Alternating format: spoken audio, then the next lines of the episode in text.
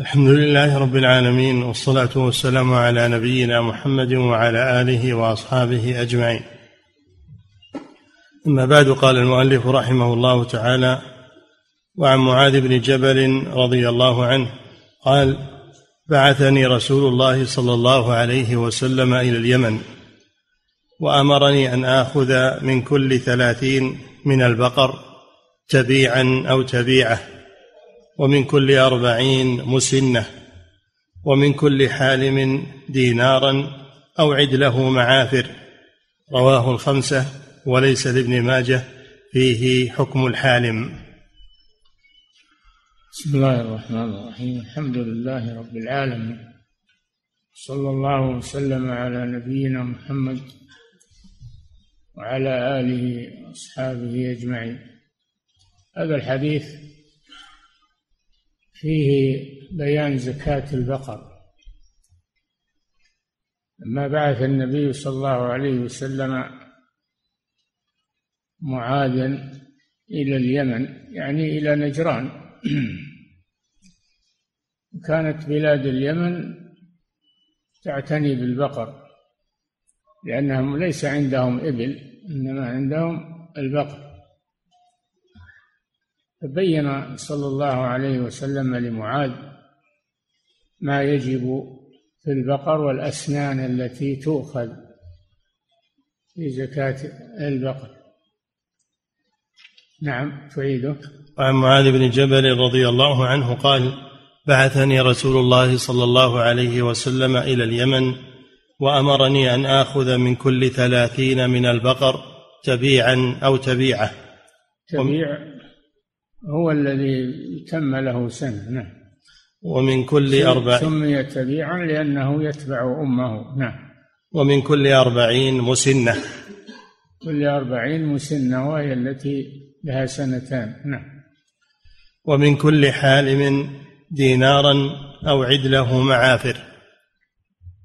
إن من كل حالم لأنهم أهل الكتاب يؤخذ عليهم الجزية.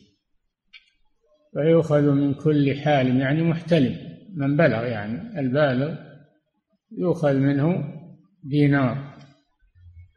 والدينار هو النقد من الذهب. دينار هو النقد من الذهب. هذه جزية. نعم. ومن كل حالم دينارا أو عدله معافر. أو عدل الدينار يعني صرفه من النقود الأخرى معافري نعم. رواه الخمسة وليس لابن ماجه فيه حكم الحالم. وعن يحيى ابن الحكم أن معاذ رواية ابن ماجه ليس فيها ذكر الحالم يعني ذكر الجزية. نعم. وعن يحيى بن الحكم أن معاذا قال بعثني رسول الله صلى الله عليه وسلم أصدق أهل اليمن. صدقوا صدقوا يعني ياخذ صدقاته. أصدق أهل اليمن. فأمرني أن آخذ من البقر من كل ثلاثين تبيعا ومن كل أربعين مسنة.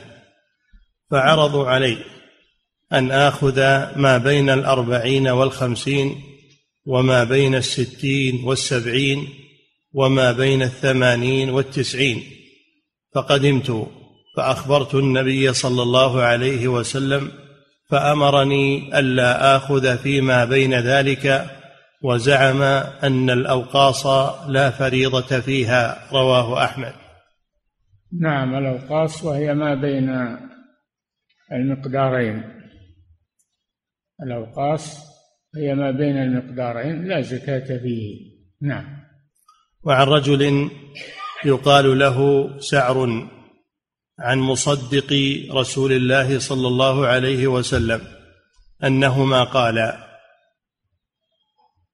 عن مصدقي رسول الله صلى الله عليه وسلم أنهما قالا نهانا رسول الله صلى الله عليه وسلم أن نأخذ شافعا والشافع التي في بطنها ولدها.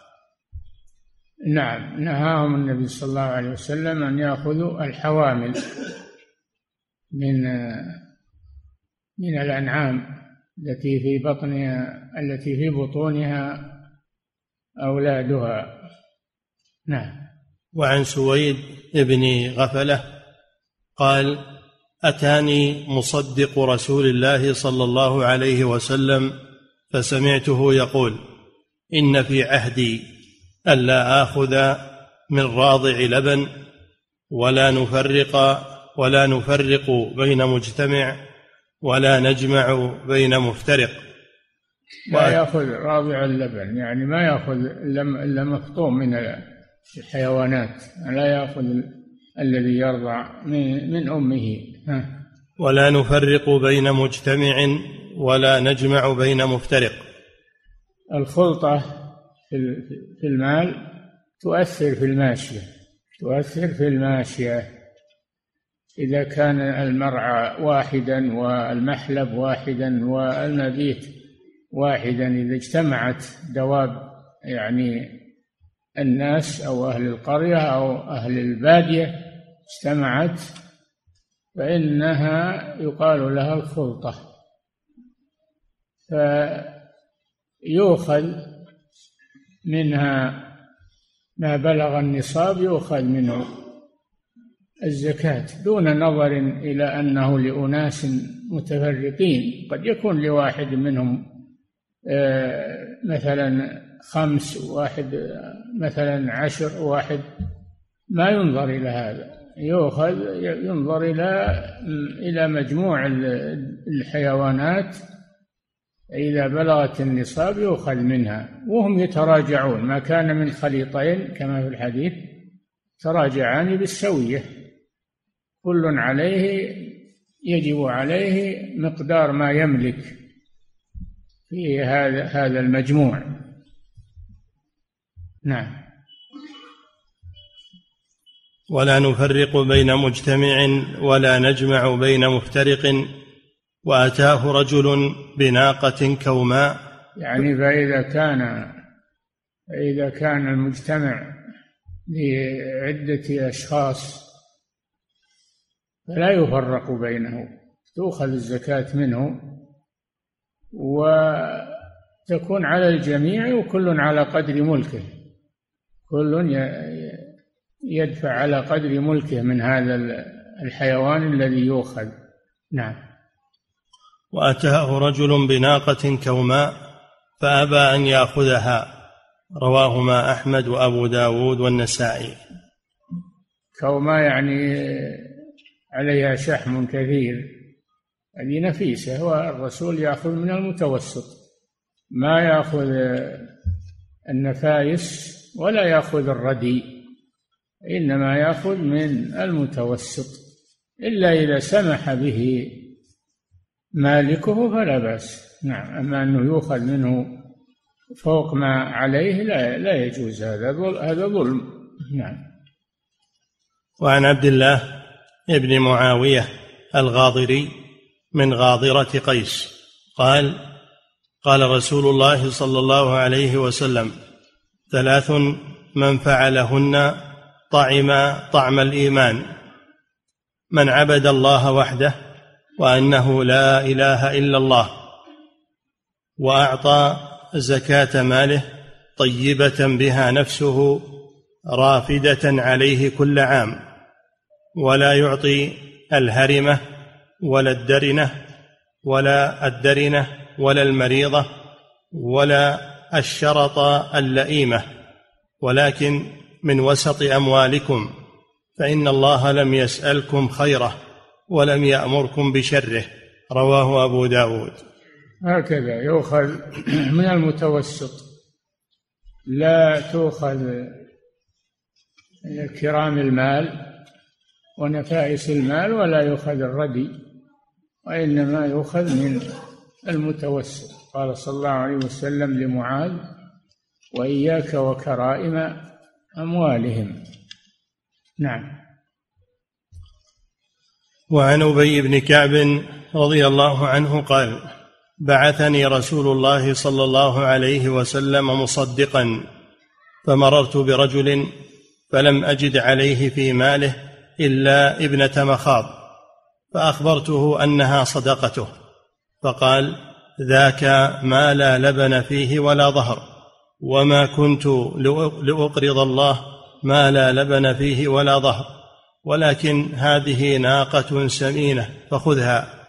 فقلت ما أنا بآخذ ما لم أؤمر به فهذا رسول الله صلى الله عليه وسلم منك قريب فخرج معي. وخرج بالناقة حتى قدمنا على رسول الله صلى الله عليه وسلم فأخبره الخبر فقال رسول الله صلى الله عليه وسلم ذاك الذي عليك وإن تطوعت بخير قبلناه منك وأجرك الله فيه. قال فخذها. فأمر رسول الله صلى الله عليه وسلم بقبضها ودعا له بالبركة رواه أحمد. نعم هذا يدل على أنه إذا سمح صاحب المال بأكثر مما يجب عليه فإنه يقبل منه ذلك وله فيه أجر. له فيه أجر. نعم. وعن سفيان بن عبد الله الثقفي أن عمر بن الخطاب رضي الله عنه قال تعد عليهم بالسخلة يحملها الراعي ولا تأخذها. ولا تأخذها. ولا تأخذها. ولا تأخذ الأكولة. ولا الربا. الربا ولا الربا ولا الماخض ولا فحل الغنم. وتأخذ الجذعة والثنية. وذلك عدل بين غذاء المال وخياره. رواه مالك في الموطأ. هذا كما سبق أنه يؤخذ من وسط المال ما يؤخذ من كرائمه ونفائسه لأن هذا فيه ظلم لصاحب المال إلا إذا سمح إذا سمح بذلك. ولا يؤخذ من الردي من المال لأن هذا ظلم للفقراء الذين تدفع إليهم الزكاة فيؤخذ من الأوساط. نعم. باب لا زكاة في الرقيق والخيل والحمر.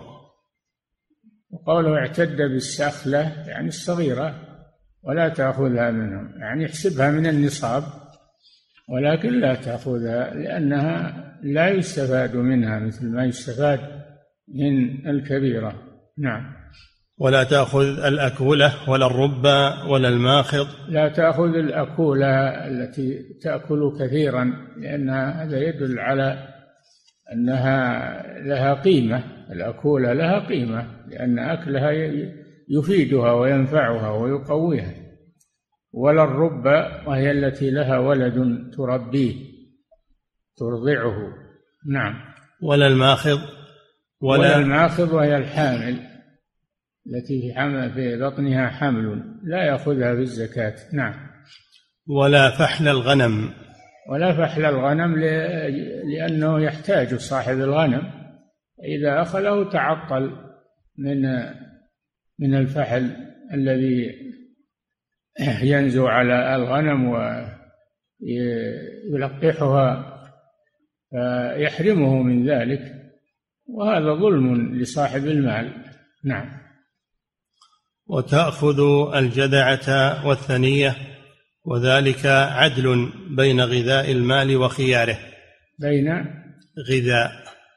يعني كرائم المال رداء المال ردي المال وكرائمه. يعني وسط. عدل يعني وسط. هذا الذي يؤخذ في الزكاة. نعم. رواه مالك في الموطأ. باب لا زكاة في الرقيق. والخيل والحمر. هناك أموال ليس فيها زكاة ليس فيها زكاة.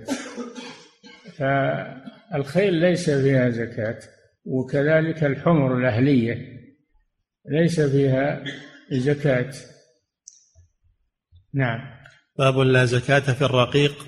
ولا زكاة في الرقيق وهو المماليك من الآدميين. وإن كان مالا الرقيق مال. نعم.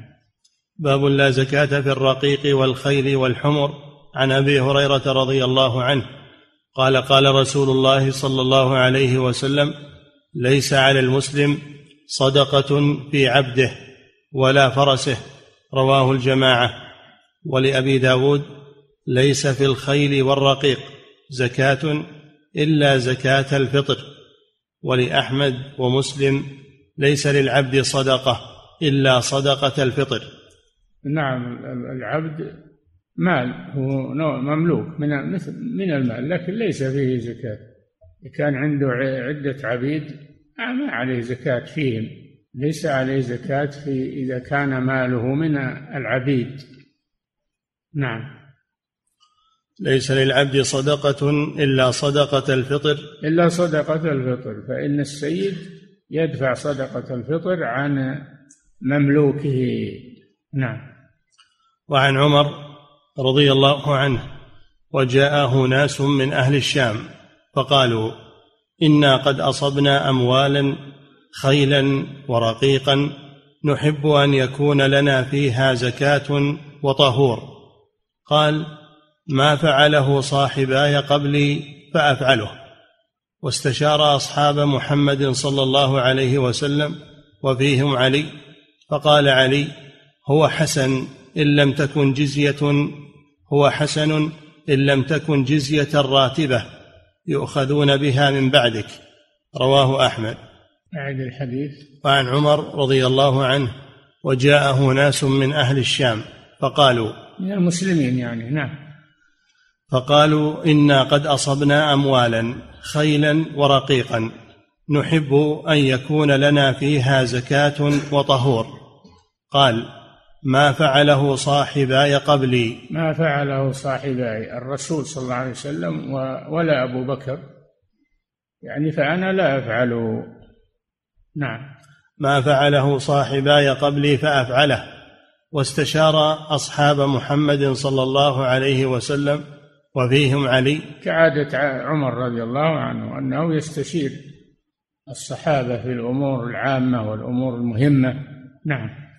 واستشار أصحاب محمد صلى الله عليه وسلم وفيهم علي فقال علي هو حسن إن لم تكن جزية راتبة يؤخذون بها من بعدك. رواه أحمد.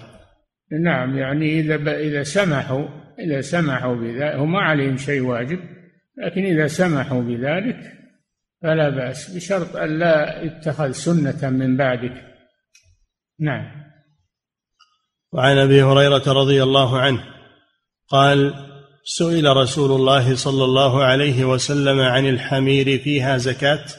فقال ما جاءني فيها شيء إلا هذه الآية الفاذة فمن يعمل مثقال ذرة خيرا يره ومن يعمل مثقال ذرة شرا يره. رواه أحمد وفي الصحيحين معناه. نعم الحمير فيها منفعة كبيرة استفاد منها وهي أموال تباع وتشترى فهي لكن لا زكاة فيها. فالرسول صلى الله عليه وسلم إنما يتمشى على ما أمره الله والله لم يأمره أن يأخذ زكاة من الحمر. لكن من بذل نفعا فيها وحمل عليها وأركبها المحتاجين فهذا فعل خير ولكنه ليس واجبا عليه. نعم. باب زكاة الذهب والفضة. فدل على أن النبي صلى الله عليه وسلم إنما يبلغ عن الله عز وجل. نعم. باب زكاة الذهب والفضة. من الأموال التي تزكى الذهب والفضة. سبق لنا أن الأموال الزكوية أربعة. الذهب والفضة وبهيمة الأنعام والخارج من الأرض وعروض التجارة. نعم. باب زكاة الذهب والفضة. عن علي رضي الله عنه قال قال رسول الله صلى الله عليه وسلم قد عفوت لكم عن صدقة الخيل والرقيق. فهات لا, لا, لا زكاة في الخيل ولا زكاة في الرقيق يعني المماليك وإن كانت أموالا. نعم.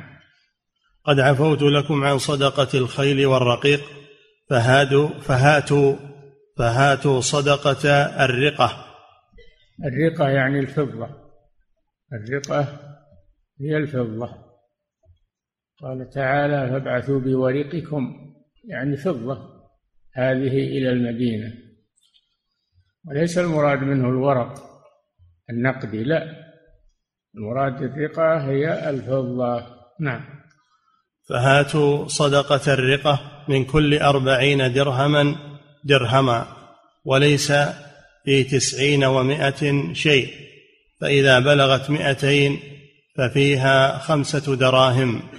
رواه أحمد وأبو داود والترمذي.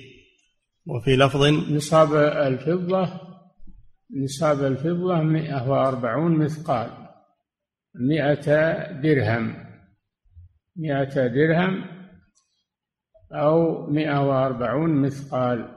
هذا نصابها وما دون ذلك لا لا زكاة فيه. نعم. وفي لفظ قد عفوت لكم عن الخيل والرقيق وليس فيما دون مئتين زكاة. رواه أحمد والنسائي. مئتين من الفضة يعني. نعم. لأن نصاب مئتي درهم من الفضة أو مئة وأربعون مثقال. نعم. وعن جابر رضي الله عنه قال قال رسول الله صلى الله عليه وسلم ليس فيما دون خمس أواق من الورق صدقة وليس فيما دون خمس ذود من الإبل صدقة. خمس ذود. وليس فيما دون خمس ذود من الإبل صدقة. نعم الإبل إذا كانت خمسا ففيها شاة. إذا كانت عشرا فيها شاتان. إذا كانت خمسة عشرة فيها ثلاث شياه. إذا كانت عشرين ففيها بنت مخاض. نعم. وليس فيما دون خمسة أوسق من التمر صدقة. رواه أحمد خمسة أوسق الوسق ستون صاعا صاع النبي صلى الله عليه وسلم. يكون خمسة أوسق. ما دون خمسة أوسق من التمر ليس فيه زكاة. ما كان خمسة أوسق فأكثر فإن فيه الزكاة. والوسق ستون صاعا بالصاع النبوي. ثلاثمائة يعني ثلاثمائة صاع. نعم. رواه أحمد ومسلم وهو لأحمد والبخاري من حديث أبي سعيد. وعن علي بن أبي طالب رضي الله عنه عن النبي صلى الله عليه وسلم قال إذا كانت لك مئة درهم وحال عليها الحول ففيها خمسة دراهم وليس عليك شيء يعني في الذهب حتى يكون لك عشرون دينارا. فإن كان فإذا كانت لك عشرون دينارا وحال عليها الحول ففيها نصف دينار. رواه أبو داود. نعم الواجب في الذهب والفضة ربع العشر. الواجب في زكاة الذهب والفضة ربع العشر وربع يعني نصاب الذهب نصاب الذهب عشرون مثقالا و ومقداره بالجنيه السعودي أحد عشر جنيه ونصف الجنيه. والفضة بالريال السعودي ست وخمسون ريالا من الفضة أو ما يعادلها من الأوراق آه، النقدية. نعم. باب زكاة الزروع والثمار. نعم هذا هو النوع الرابع الخارج من الأرض. الحبوب والثمار يعني الخارج من الأرض. قوله تعالى وآتوا كلوا من ثمره إذا أثمر وآتوا حقه يوم حصاده وحقه يوم حصاده هو الزكاة. نعم. باب زكاة الزروع والثمار عن جابر رضي الله عنه عن النبي صلى الله عليه وسلم قال فيما سقت الأنهار والغيم العشور وفيما سقي بالثانية نصف العشور. رواه أحمد ومسلم والنسائي وأبو داود وقال الأنهار والعيون. نعم ما كان يسقى بدون معونة من الأنهار من العيون فإن فيه العشر. وما كان يسقى بمعونة ففيه نصف العشر نعم. وعن ابن عمر أعد الحديث. وعن جابر رضي الله عنه عن النبي صلى الله عليه وسلم قال فيما سقت الأنهار والغيم العشور. والغين. الغيم. الغيل. بالميم. الغيم. الغيم. نعم. إي نعم. يعني ما شرب من المطر أو يعني ما يشرب بعروقه بدون كلفة وبدون مؤونة فيه العشر. نعم. فيما سقت الأنهار والغيم العشور وما وفيما سقي بالسانية نصف العشور. أي نعم نصف العشر. ما سقي بمؤونة بالسواني و أو بالرافعات المكاين أو ففيه نصف العشر. تخفيف من الله عز وجل. نعم. رواه أحمد ومسلم والنسائي وأبو داود وقال الأنهار والعيون. الأنهار والعيون التي تسقي الزروع بدون كلفة هذه فيها العشر نعم. وعن ابن عمر رضي الله عنهما أن النبي صلى الله عليه وسلم قال فيما سقت السماء والعيون أو كان عثريا. عثريا. أو كان عثريا العشر. نعم. ما كان تسقيه ما كانت تسقيه الأنهار والعيون بدون كلفة فيه العشر. وما شرب وكذلك ما شرب بعروقه وما يسمى بالعثري. ما شرب بعروقه فإن فيه العشر لأنه بغير كلفة. نعم. فيما سقت السماء والعيون أو كان عثريا العشر وفيما سقي بالنضح نصف العشر. النضح يعني بالسواني النضح يعني بالسواني على الإبل أو بالرافعات الميكانيكية. فإنه ينظر إلى أنه أنه ينفق عليه فيخفف الزكاة فيه. نعم. نصف العشر. نعم.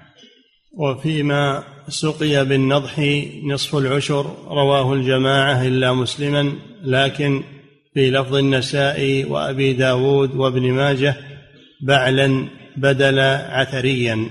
هو البعل والعثري معنى واحد الذي يشرب بعروقه هذا هو البعل قال له بعل يسمى بعل حتى الآن يسمونه بعل أو كان عثريا يعني يشرب بعروقه فيه العشر. نعم. وعن أبي سعيد رضي الله عنه عن النبي صلى الله عليه وسلم قال ليس فيما دون خمسة أوسق صدقة ولا فيما دون خمس أواق صدقة. هذا هو النصاب في الخارج من الأرض. في الحبوب والثمار خمسة أوسق والوسق ستون صاعا خمسة أوسق في ستين ثلاثمائة ثلاثمائة صاع بالصاع النبوي. نعم. وليس فيما دون خمس أواق صدقة.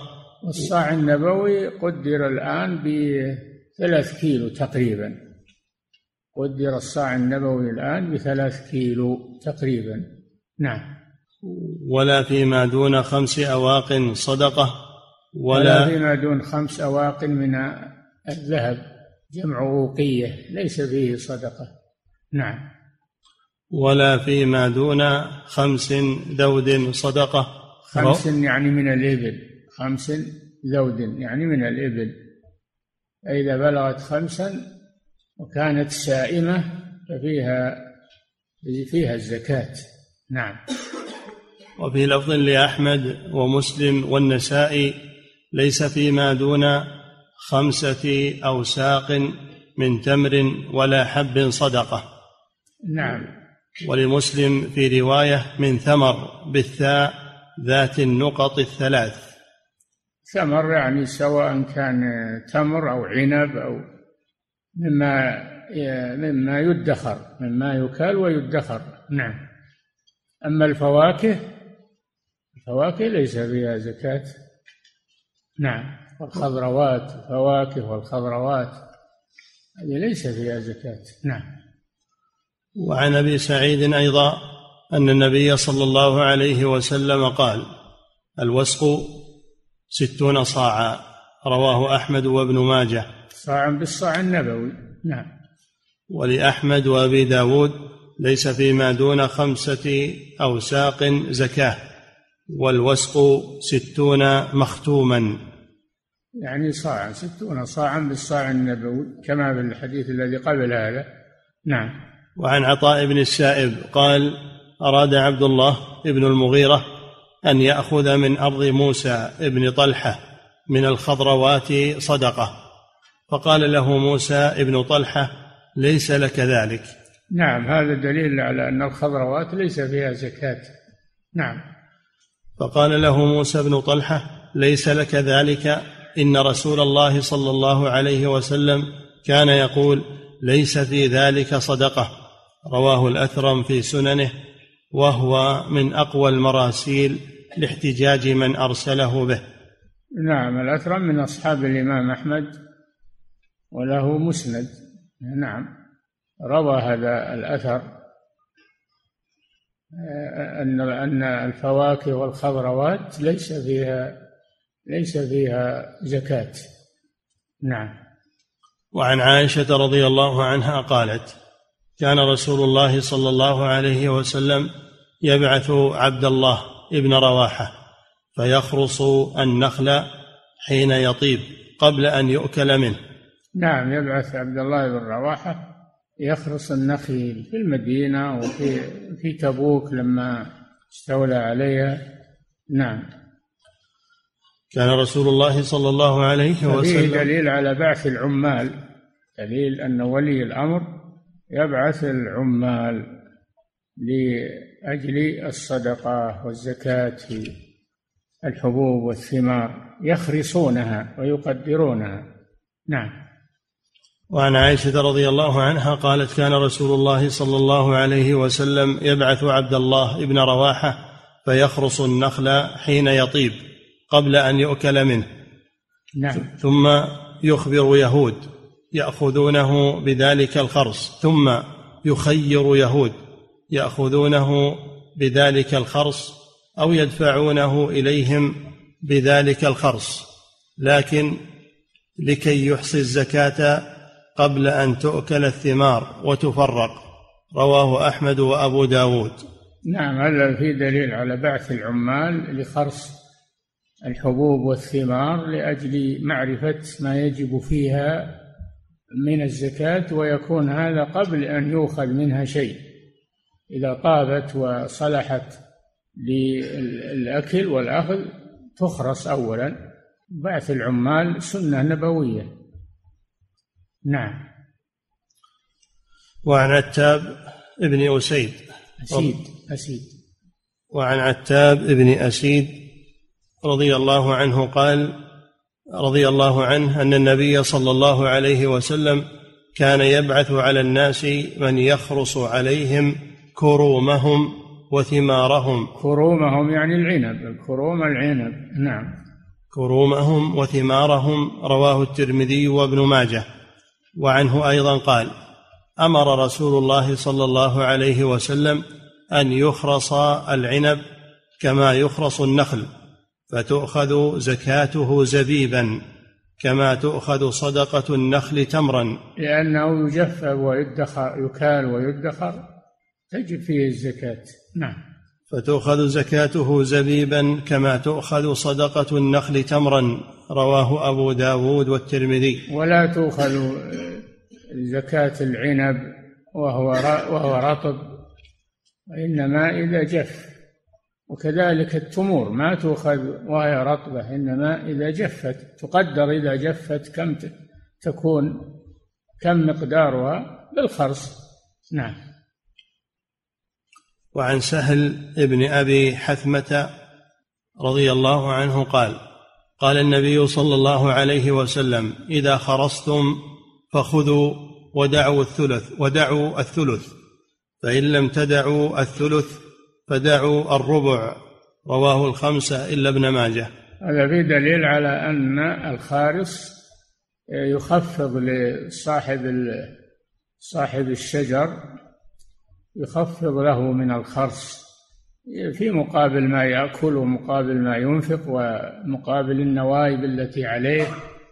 يعني ما يخرص الشجر ويستوفي ما فيه.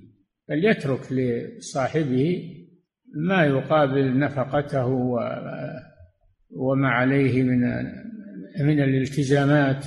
نعم. يترك الربع أو أو الخمس له. نعم. وعن الزهري عن أبي أمامة بن سهل عن أبيه قال نهى النبي صلى الله عليه وسلم عن الجعرور ولون الحبيق أن يؤخذ في الصدقة قال الزهري تمرين من تمر المدينة رواه أبو داود. وعن أبي أمامة ابن سهل لا يؤخذ في الحبوب والثمار لا يؤخذ الجيد إلا برضا صاحبه ولا يؤخذ الردي لأن هذا فيه ظلم للفقراء وإنما يؤخذ فيه من المتوسط. نعم. وعن أبي أمامة ابن سهيل وعن أبي أمامة بن سهل في الآية التي قال الله عز وجل ولا تيمموا الخبيث منه تنفقون قال هو الجعرور ولون حبيق جعروري ها؟ هو الجعروري هو الجعروري ولون حبيق. فنهى رسول الله صلى الله عليه وسلم شيء الردي هذا من الجعروري هذا من الردي. الله نهى عن الإنفاق منه ولا تيمموا الخبيث يعني الردي. ليس المراد بالخبيث المحرم هنا المراد به الردي. ولا يتيمموا الخبيث منه تنفقون يعني تتصدقون. ولستم بآخذيه لو دفع لكم إلا أن تغمضوا فيه يعني تأخذونه على إغماض و وكراهية لذلك. نعم. فنهى رسول الله صلى الله عليه وسلم أن يؤخذ في الصدقة الردالة رواه النسائي. الردالة يعني الردي وهو الخبيث يعني الردي. نعم. باب ما جاء في زكاة العسل. أي نعم العسل فيه زكاة لأنه نوع من الخارج من الأرض. لأن لأن النحل يرتشف من الزهور النابتة من الأرض ويكون العسل ففيه الزكاة في عشر قرب قربة يعني فيه العشر. نعم. باب ما جاء في زكاة العسل عن أبي سيارة المتعي قال قلت يا رسول الله إن لي نحلا. قال فأد العشور. قال قلت يا رسول الله احملي جبلها. قال فحمى لي جبلها. رواه أحمد وابن ماجه. أي نعم يحميه لنحله. ما يأتي غير نحله. حماه له. وأوجب عليه الزكاة في العسل وهو العشر. يؤخذ العشر في العسل من عشر قرب قربة. نعم. وعن عمرو بن شعيب عن أبيه عن جده عن النبي صلى الله عليه وسلم أنه أخذ من العسل العشر رواه ابن ماجه. نعم. وفي رواية جاء هلال أحد بني متعان إلى رسول الله صلى الله عليه وسلم بعشور نحل له وكان سأله أن يحمي واديا يقال له سلبة. فحمى له ذلك الوادي.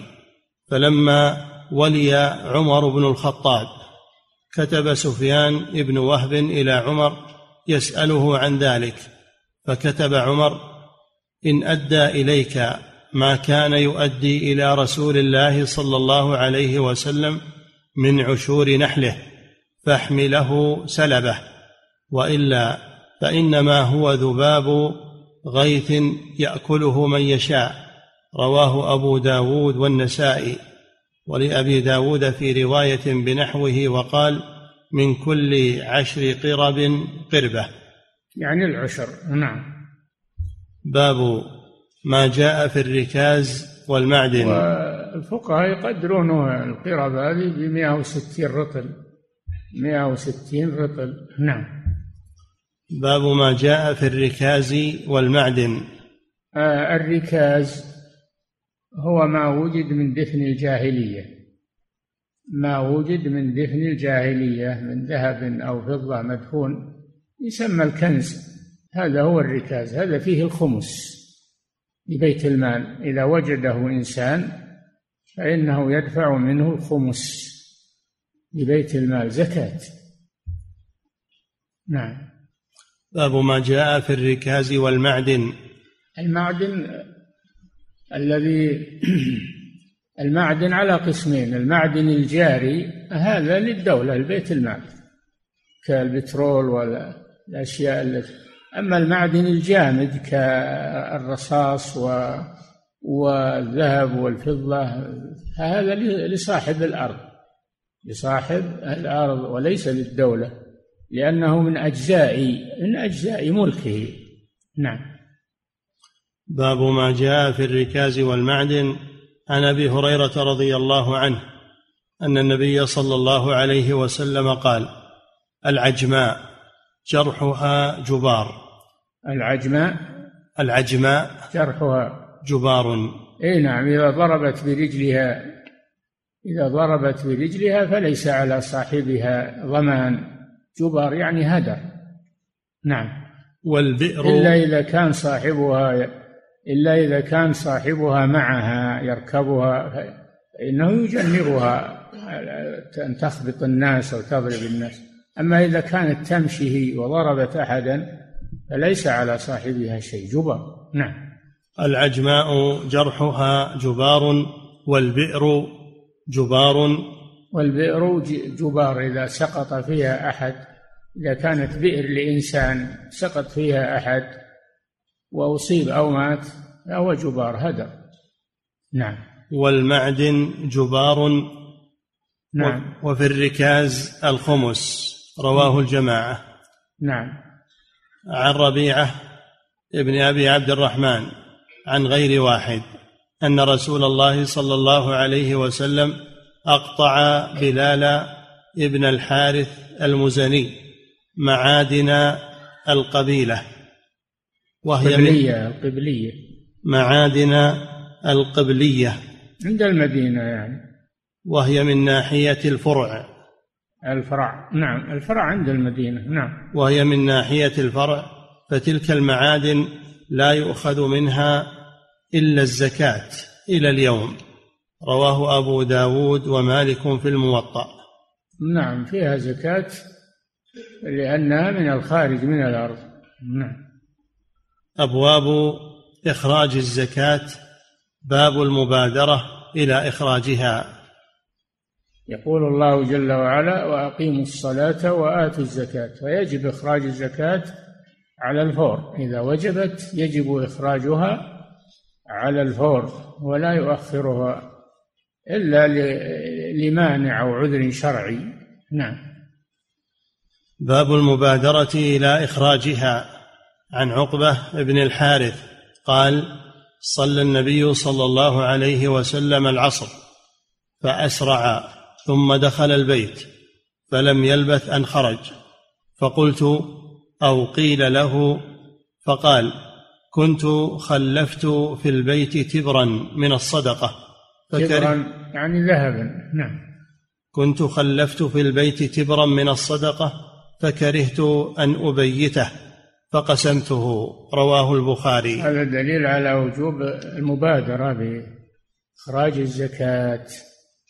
استعجل النبي صلى الله عليه وسلم بعد ما صلى استغرب الصحابة من سرعته انصرافه إلى البيت فأخبرهم بذلك أنه عنده كبر يعني نوع من الذهب فأراد أن وهو زكاة هذا الذهب زكاة أراد أن أن يوزعه على المحتاجين. نعم. دل على أنه لا يجوز تأخير إخراج الزكاة من غير عذر. نعم. وعن عائشة رضي الله عنها قالت سمعت رسول الله صلى الله عليه وسلم يقول ما خالطت الصدقة مالا قط إلا أهلكته. نعم. المال الذي لا تخرج زكاته يتلف. حصنوا أموالكم بالصدقة. فالمال الذي لا تخرج زكاته عرضة للتلف أما الذي تخرج زكاته فإن الله يحميه لصاحبه. نعم. ما خالطت الصدقة مالا قط إلا أهلكته رواه الشافعي والبخاري في تاريخه والحميدي. وزاد قال يكون قد وجب عليك في مالك صدقة فلا تخرجها فيهلك الحرام الحلال. نعم إخراج عدم تأخير إخراج الزكاة حرام. تأخير إخراج الزكاة حرام من غير عذر. فيهلك الحلال وهو المال المباح لك. دل على أن تأخير الزكاة يعرض المال للتلف. نعم. يكون قد وجب عليك في مالك صدقة فلا تخرجها فيهلك الحرام الحلال وقد احتج به من يرى تعلق الزكاة بالعين. العين تجب الزكاة في عين المال ولها تعلق بالذمة. الزكاة تجب في عين المال ولها تعلق بذمة المالك. نعم.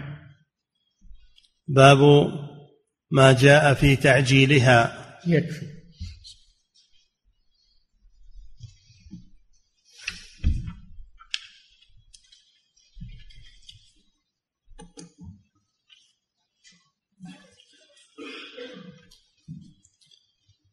فضيلة الشيخ وفقكم الله.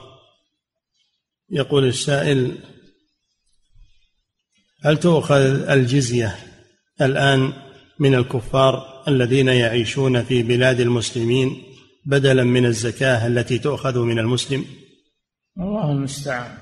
إذا كان إنهم معاهدون إذا كانوا معاهدين تؤخذ منهم الجزية. نعم.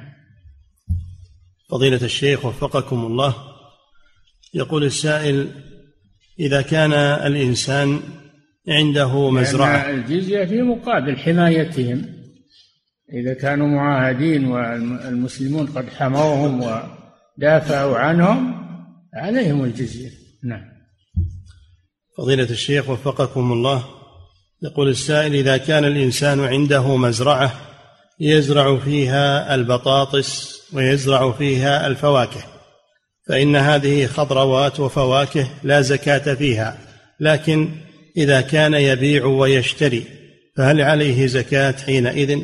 نعم هذه عروض تجارة. إذا كان يبيع ويشتري في الخضروات والفواكه هذه عروض تجارة. يزكيها زكاة العروض. نعم. فضيلة الشيخ وفقكم الله. بالنسبة للأرز والذرة هل عليهما زكاة؟ حبوب هذه حبوب. نعم تدخل في الحبوب. تزكى مثل مثل البر والشعير. نعم. فضيلة الشيخ وفقكم الله يقول السائل هل يجوز أن تؤخذ في زكاة الغنم أن يؤخذ التيس بدلا من الأنثى؟ يؤخذ التيس من التيوس ولا يؤخذ من الإناث. نعم. فضيلة الشيخ وفقكم الله يقول السائل صديق لي فقير يمارس المزمار ووظيفته العزف بالمزمار أو العزف بالمزمار. هل يجوز لي أن أعطيه من زكاة مالي؟ نعم تعطيه وتنصحه عن ترك المزمار وتعطيه من إذا كان محتاجا فقيرا لأنه مسلم. لأنه مسلم محتاج والزكاة لفقراء المسلمين. نعم. وهو مسلم يعني كونه يشتغل بالغنى والمزامير هذه معصية لكنها ما تخرجه من الإسلام. نعم. مع مناصحته نعم. فضيلة الشيخ وفقكم الله يقول اقترضت من شخص خمسين ألفا. فمن الذي يزكي هذا المال؟ هل هو أنا أم الذي أقرضني؟ أنت تزكي اللي تملك وهو يزكي الذي يملك. الديون التي في ذمم الناس يزكيها صاحبها لأنه يملكها في ذممهم. له ديون يزكيها لأنه ملكه في ذمم الناس. واللي عليه مثلا الدين يزكي ما يملك إذا حال عليه الحول. نعم. فضيلة الشيخ وفقكم الله يقول السائل رجل باع ثمار الزيتون قبل موسم جنيه أي ما زال في الشجر فهل يخرج الزكاة؟ وما مقدارها في الزيتون؟ إذا كان الزيتون قد طاب وصلح للأخذ فإنه تجب فيه الزكاة. تجب فيه الزكاة مثل العنب ومثل نعم. ثم يقول حفظك الله وإذا وجبت عليه الزكاة وكان قد خسر في العام الماضي مصاريف على الزيتون فهل له أن يحذف تلك الخسائر؟ لا يزكي الزيتون الذي يحصل عليه هذا العام ويدخره أو أو يبيعه يزكيه ولو كان عليه دين. نعم ما يسقط الدين ما يسقط الزكاة. نعم. فضيلة الشيخ وفقكم الله يقول هل يجزئ إعطاء الزكاة للأم من الرضاع؟ أي نعم لأنها ليست من من الأقارب ليست من الأقارب وإنما هي أم من الرضاع ليست من النسب. إذا كانت فقيرة تعطى. نعم. فضيلة الشيخ وفقكم الله يقول ما حكم زكاة الذهب والفضة؟ إذا كانت تستعمل في الحلي مثلا هل فيها زكاة؟ هذه مسألة خلافية هل يجب في الحلي زكاة؟ المذهب والذي عليه الجمهور أنه لا زكاة في الحلي المعد للاستعمال لأنه من جملة الملبوسات ولم يعد للتجارة وإنما أعد للاستعمال فلا زكاة في هذا المذهب وهو المفتى به أيضا نعم فضيلة الشيخ وفقكم الله. يقول السائل يقول إذا كان الأب لا يصرف على زوجته وعلى أولاده فهل يجوز لهذه الزوجة وللأبناء أن يأخذوا من مال الأب بقدر حاجتهم دون علمه؟ نعم. إذا ظفرت المرأة بمال زوجها وهو مقتر عليها في النفقة فلها أن تأخذ ما يكفيها. ويكفي أولادها لأن هند بنت عتبة جاءت إلى النبي صلى الله عليه وسلم فقالت يا رسول الله إن أبا سفيان رجل شحيح لا يعطيني ما يكفيني وولدي أفآخذ من ماله؟ قال خذي ما يكفيك وولدك بالمعروف بالمعروف ما هو بالإسراف بل بما يكفي فقط.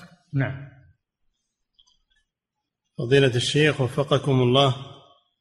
يقول السائل إذا كانت الكلفة ترتفع لأجل ارتفاع سعر البنزين والمكائن فهل هذه الأشياء تغير مقدار الزكاة فتنقص عن نصف العشر إلى أقل من ذلك؟ لا. الزكاة على المحاصيل على المحاصيل. نعم. فضيلة الشيخ وفقكم الله يقول السائل بالنسبة لزكاة العنب هل معنى ذلك أنه ينتظر حتى يجف ثم يزكى؟ تجب فيه الزكاة لكن ما يخرج حتى يجفف ما يخرج من من العنب الرطب بل إذا جف. نعم من الزبيب. نعم. فضيلة الشيخ وفقكم الله. يقول السائل هناك من يقول مثل مثل ثمر النخل ما هو بيؤخذ من آه، من التمر من الرطب؟ ما تؤخذ الزكاة من الرطب إنما تؤخذ من التمر يعني من الجاف. نعم. فضيلة الشيخ وفقكم الله يقول السائل هناك من يقول بأنه لا زكاة في الأوراق النقدية وذلك لأنه لم يرد فيها نص لا من الكتاب ولا من السنة. فهل ما يذكره مثل هذا صحيح؟ لا هذا باطل. الأوراق النقدية حكمها حكم النقود من الذهب والفضة. لأن البدل لأن البدل له حكم المبدل. فهي بديلة عن عن نقود الذهب والفضة. نعم. فضيلة الشيخ وفقكم الله. يقول السائل ما الراجح في مسألة وجوب زكاة العسل؟ هل فيه زكاة أم لا؟ لأن هناك من يقول بأن. ما الراجح في مسألة وجوب الزكاة في العسل؟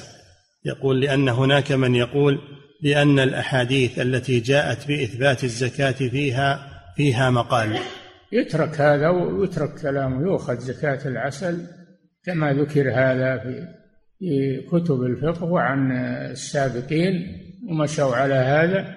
يجينا واحد متحذلق ويقول ما ما كذا وكذا ما ما نأخذ بقوله.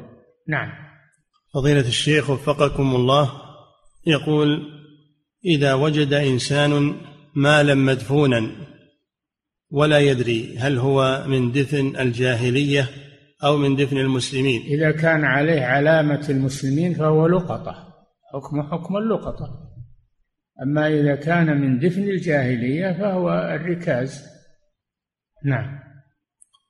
فضيلة الشيخ وفقكم الله يقول السائل في السنة الماضية كان عندي مئة ألف ريال فزكيتها وكانت في حسابي وفي هذه السنة ما زالت هذه المئة باقية في حسابي.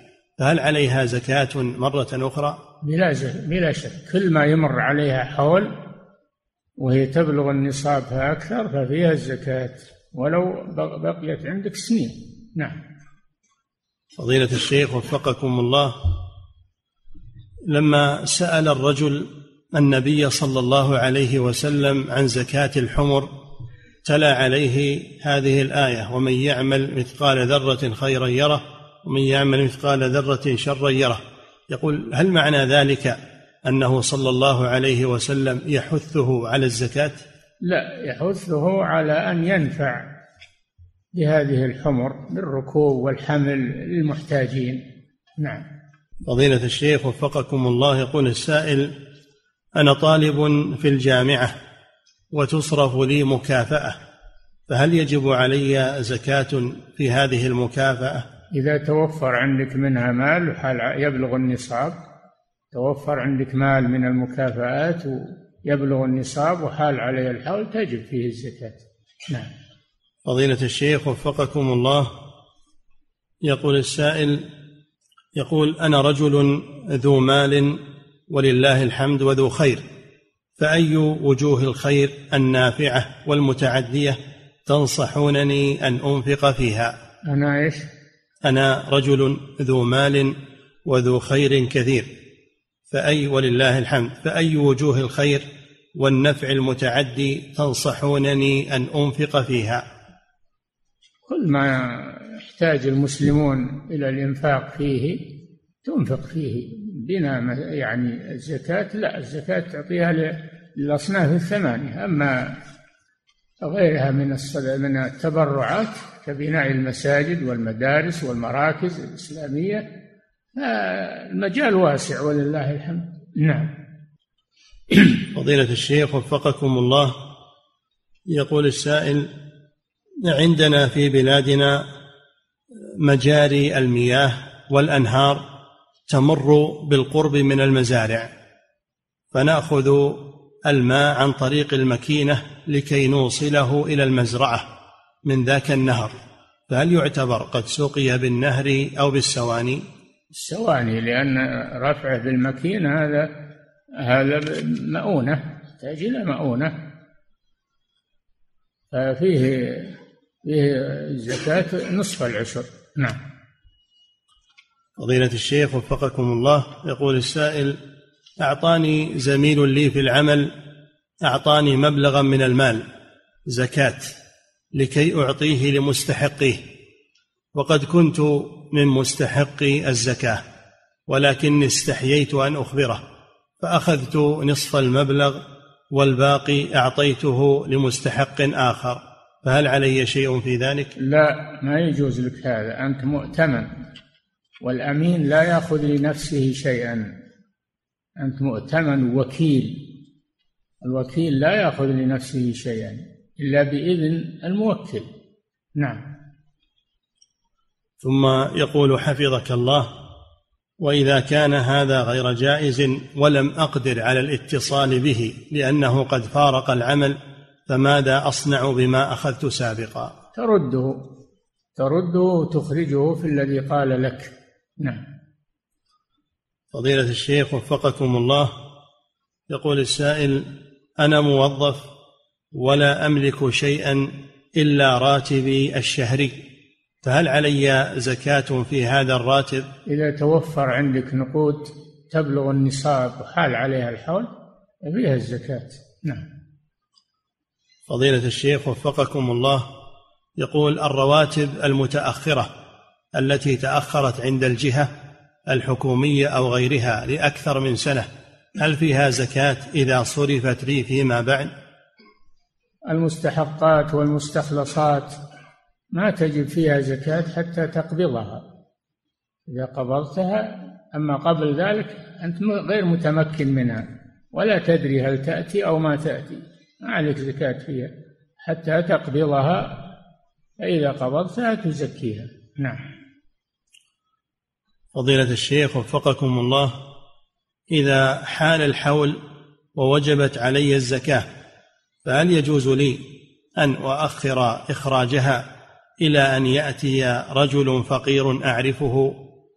نعم إذا كان تأخيرها لمصلحة مثل تعطيها لمن تعرف حاجته وهو غائب تؤخرها له لأنه محتاج لا بأس بذلك. هذا لغرض صحيح لا بأس.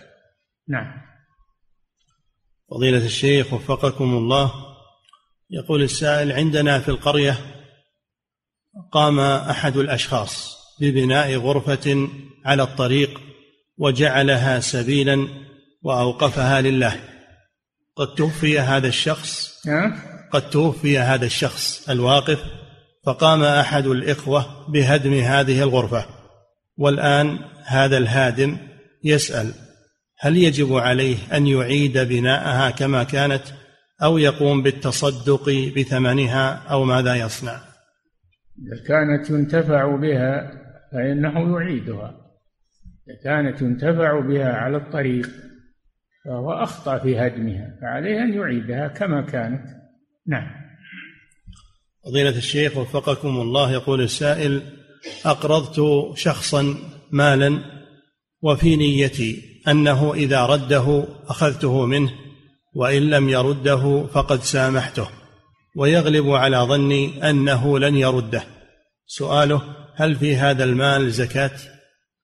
المال الذي على مفلس أو على معسر ما تجب فيه الزكاة حتى تقبضه أما قبل أن تقبضه فلا تجب فيه زكاة لأنك لا تدري هل تحصل عليه أم لا. نعم. فضيلة الشيخ وفقكم الله يقول السائل أنا مدرس وفي المدرسة التي أدرس فيها هناك طلاب مبتدعة وبعضهم كفار. هل يجوز لي أن أرسبهم وأن لا أنجحهم أم لا يجوز ذلك. لا يجوز ذلك لا تظلمهم. ولو كانوا كفارا ولو كانوا مبتدعة لا تظلمهم. أعطهم ما يستحقون من الدرجة. نعم. فضيلة الشيخ وفقكم الله يقول السائل يقول هل في الأموال التي تصرف للحلقات أو للجهات الخيرية؟ هل فيها زكاة؟ لا هذه مصرفها مصرف الزكاة الحلقات ولا ما فيها زكاة. ما هي للاستثمار ولا للتجارة ولا إنما هي مبذولة للخير والنفع. نعم. فضيلة الشيخ وفقكم الله يقول السائل هل يجب على الولد أن يستأذن من والده إذا أراد السفر؟ وهل يعتبر عدم استئذانه من العقوق؟ نعم يبلغ والده بذلك لأن والده سيفقده ويخشى عليه فيخبره بذلك. نعم. فضيلة الشيخ وفقكم الله يقول رجل لا يستطيع أن يحني ظهره لغسل رجليه في الوضوء. وهذا بعدما عمل عملية جراحية فماذا يصنع عند وضوءه وهل له أن يتيمم عن الرجلين؟ لا يفتح البزبوز عليه خليه يصب عليه يكفي هذا. نعم. فضيلة الشيخ وفقكم الله يقول السائل ما الضابط في الشيخ الذي يؤخذ عنه العلم؟ وهل من أخطأ في مسألة منهجية لا يؤخذ عنه أي علم؟ عليك باختيار العلماء الأتقياء. عليك باختيار العلماء الأتقياء المعروفين بالعلم والتقوى. تحر في هذا والله يوفقك سبحانه وتعالى. والناس يعرفون العلماء يعرفونهم ويقبلون عليهم أكثر من غيرهم. نعم. فضيلة الشيخ وفقكم الله. يقول بعض الملابس الرياضية التي يلبسها طلاب المدارس مكتوب على بعضها لفظ الجلالة بهذا اللفظ لفظ عبد الصمد. يقول هل يجوز للطالب أن يدخل إلى دورة المياه بهذه البدلة؟ لا. اللي فيها اسم الله ما يدخل بها الحمام محل قضاء الحاجة. نعم. فضيلة الشيخ. كان اسم الله ظاهرا إذا كان اسم الله ظاهرا يرى لا يدخل به. نعم. فضيلة الشيخ وفقكم الله. هذه امرأة تسأل فتقول هل يجوز للمرأة المسلمة التي تعيش في بلاد الغرب أن تذهب في رحلة لطلب العلم وتسافر بدون محرم من أجل أن تتعلم اللغة العربية والقرآن ثم ترجع إلى بلدها لتعلم الناس أو لتعلم النساء هناك. هذا في حديث صحيح. لا يحل لامرأة تؤمن بالله واليوم الآخر أن تسافر إلا ومعها ذو محرم. حديث صحيح. وهو عام فلا يجوز للمرأة أن تسافر إلا ومعها ذو محرم. نعم.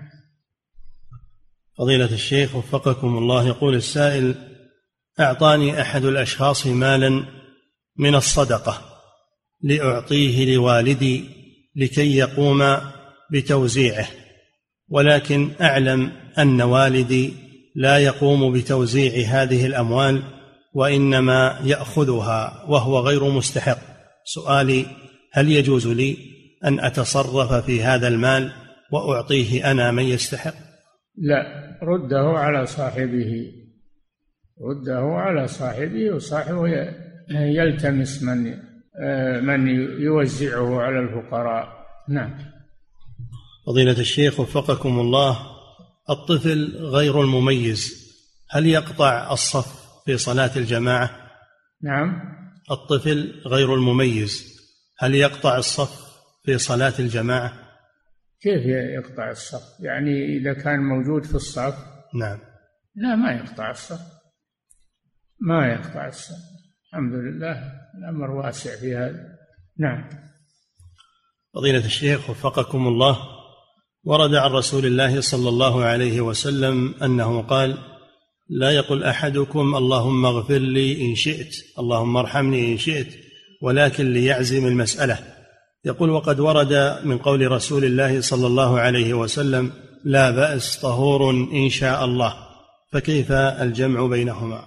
هذا ما هو بدعاء لا بأس طهور إن شاء الله هذا ما هو بدعاء هذا نوع إخبار ليس دعاء. لو قال اللهم اللهم اشفه إن شئت أو ارحمه إن شئت هذا لا يجوز لكن طهور إن شاء الله هذا من باب الإخبار والتفاؤل. نعم. فضيلة الشيخ وفقكم الله من يتابع الدروس العلمية عبر النت وهو خارج مدينة الرياض هل يدخل في حديث الرسول صلى الله عليه وسلم ما اجتمع قوم في بيت من بيوت الله إلى آخره أو لا بد من حضوره في مكان الدرس لا بد من حضوره في مكان الدرس أما كونه يستفيد من الشريط أو من له في ذلك أجر إن شاء الله لكن ما هو مثل اللي يحضر في الدرس وفي الحلقة وفي المسجد. نعم. فضيلة الشيخ وفقكم الله يقول السائل أنا شخص عندما أسرح وأسهو فإني أقوم بتحريك لساني بما أفكر فيه بدون قصد. هل هذا من حديث النفس الذي لا يؤاخذ عليه الشخص؟ إذا كان هذا بدون قصد جرى على لسانك. بدون قصد فإنه لا يؤثر لكن عليك بالتحفظ. عليك بالتحفظ من هذا. نعم. فضيلة الشيخ وفقكم الله. يقول السائل والداي أدخل أختي في جامعة مختلطة وقد ألزماني بأن أنفق عليها وأن أدفع مصاريف هذه الجامعة. هل يجوز لي أن أنفق عليها في ذلك؟ لا هذا من التعاون على الإثم والعدوان. لا تنفق عليها. تدخلونها في في مدرسة ليس فيها منكرات وليس فيها محذور ولا ما هو بلازم انه تعلم المحافظة على دينها وعلى عرضها وأخلاقها أولى من التعلم. نعم. فضيلة الشيخ وفقكم الله. يقول في قول الرسول صلى الله عليه وسلم العمرة إلى العمرة كفارة لما بينهما. هل المقصود تكفير الكبائر بأداء العمرة؟ والله ما الرسول ما فصل فنحن لا نفصل. كفارة لما لما بينهن. الحج المبرور ليس له جزاء إلا الجنة. نحن نأتي بالحديث ولا نفصل. ما كل ما كلفنا بهذا. نعم. فضيلة الشيخ وفقكم الله رجل مسلم ترك الصلاة لمدة شهرين متعمدا ثم رجع وتاب وبدأ بالصلاة. سؤاله هل يجب عليه أن يقضي صلاة الشهرين الماضية؟ بلا شك يجب عليه ذلك. يجب عليه ذلك أن يقضي الصلوات التي تركها بالترتيب. نعم.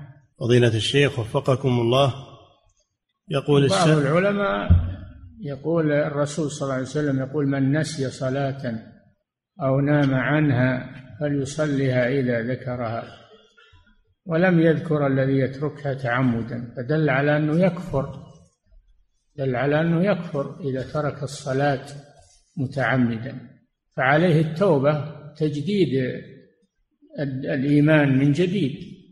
وهذا هو ظاهر الحديث. لكن من باب الاحتياط والصلوات قليلة يقضيها. نعم. فضيلة الشيخ وفقكم الله يقول السائل عندي شقتان إحداهما للسكنى والأخرى احتمال أن أؤجرها فهل علي زكاة في هذه الشقة الثانية؟ احتمال. إذا أجرتها فإنها يجب الزكاة في أجرتها إذا بلغت النصاب وحال عليها الحول. نعم. فضيلة الشيخ وفقكم الله يقول السائل ما يسمى بالقزع والذي يفعل ببعض الأطفال وصغار السن هل هو مكروه أو محرم؟ يقولون يكره القزع. يقولون يكره القزع والكراهية قد يراد بها التحريم. يتجنب هذا الشيء. النبي صلى الله عليه وسلم يقول احلقه كله أو دعه كله. نعم. فضيلة الشيخ وفقكم الله يقول إذا لم يعلم الإنسان بيوم عاشوراء إلا قبل الظهر ولم يأكل شيئا فهل له أن ينوي صيامه؟ نعم ينوي الصيام إذا ما أكل بعد الفجر ولا شرب له أن ينوي الصيام يوم عاشوراء وغيره. من النوافل. نعم. فضيلة الشيخ وفقكم الله يقول السائل هل يجب على المنفرد أن يقيم للصلاة؟